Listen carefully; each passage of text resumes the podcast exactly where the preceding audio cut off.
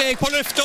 Mikrofon og alt har gått til balalaika. Da er det Balalaika med Alf Henden i studio igjen, og vi ser på historiske hendelser i uke 19. Og begynner med en fødsel i 1897. Da ble selveste landsfaderen født. Og Da er jo det selvfølgelig Einar Gerhardsen. Ja. Han var statsminister i tre tiår. Eh, 1940-, 50- og 60-tallet. Eh, han skrev boka Tillitsmannen. Gjør dine plikter, krev dine rettigheter. Jeg tror han mente det i den rekkefølgen der. Ja. Og etter han eh, gikk eh, ut av eh, politikken i 1969 ja, Ikke ut av politikken, da, det gjorde han vel egentlig aldri, men han gikk i hvert fall ut i, som en uh, høytstående tillitsmann, for å si det på den måten. Så har han holdt en masse med foredrag rundt omkring i Norge, og helt opp i han var 90, så var han veldig populær foredragsholder. 1929 Audun Boysen født. Eh, friidrettsløper, eh, mellomdistanseløper. EM-sølv og OL-bronse på 800 meter, og en legendarisk norsk rekord på 1,45,9. Og den rekorden den var så seigliva at han ble stående i nærmere 40 år, til 1992. Eh, Da ble den slått av både Atte Douglas og Vebjørn Rodal, Eh, og i dag så er det jo diverse Ingebrigtsen-brødre som knuser 1,45,9. Det er det jo ingen tvil om. Hendelser internasjonalt. Uh, ja, oi, vi går langt tilbake. 1774.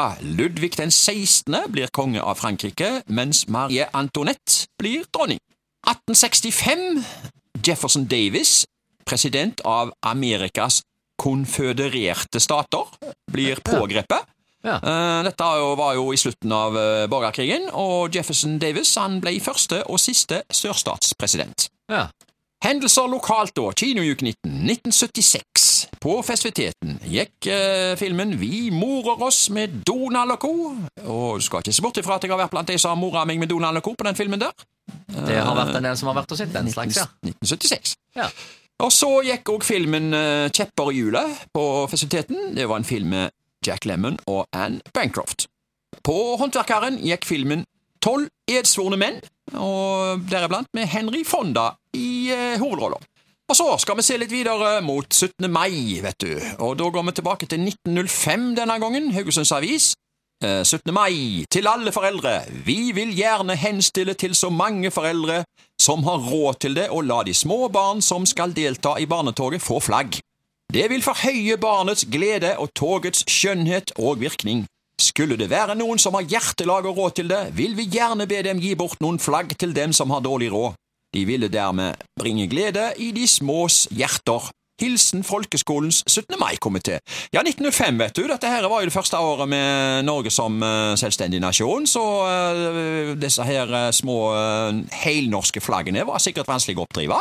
Ja. Det vil jeg tro, så, og ikke alle hadde råd til de, kanskje. Det var iallfall en veldig spesiell eh, beskjed, dette her, holdt jeg på å si, fra Folkeskolen 17. mai-komité, om at eh, håper at folk kan gi fra seg noen eh, flagg til små barn, så de kan få noe å glede seg med. ja. Det var altså i 1905. 1909, avisa Haugesund har han skrev, eh, det er om maiblomster, da. Den 17. mai i år skal Norske Kvinners Sanitetsforening i Haugesund forsøke å selge en liten blomst, maiblomsten. Overskuddet av salget skal anvendes utelukkende til fordel for hver enkelt sted. Her hos oss til Haugesund og omegns pleiehjem på Førre, som nå med det første skal tas i bruk. Vi venter å selge 5000 blomster her i byen den 17. mai. Skolebarn og unge damer vil selge den i gatene.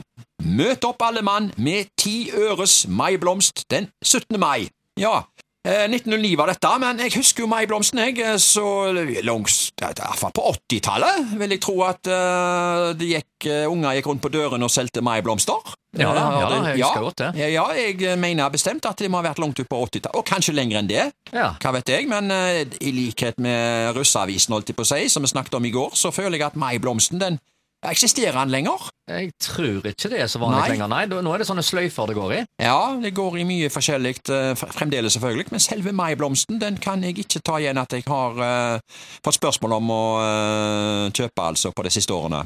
Det varierer kanskje litt avhengig av hvor du er i landet, for jeg ser det er en del som fortsatt uh, selger maiblomsten eh, til inntekt for en eh, god sak, så det er Ja. fortsatt mulig å få tak i, og i dag er det vel mer nettbutikker det går i da. Altså koster den sikkert ikke så lite som ti øre lenger.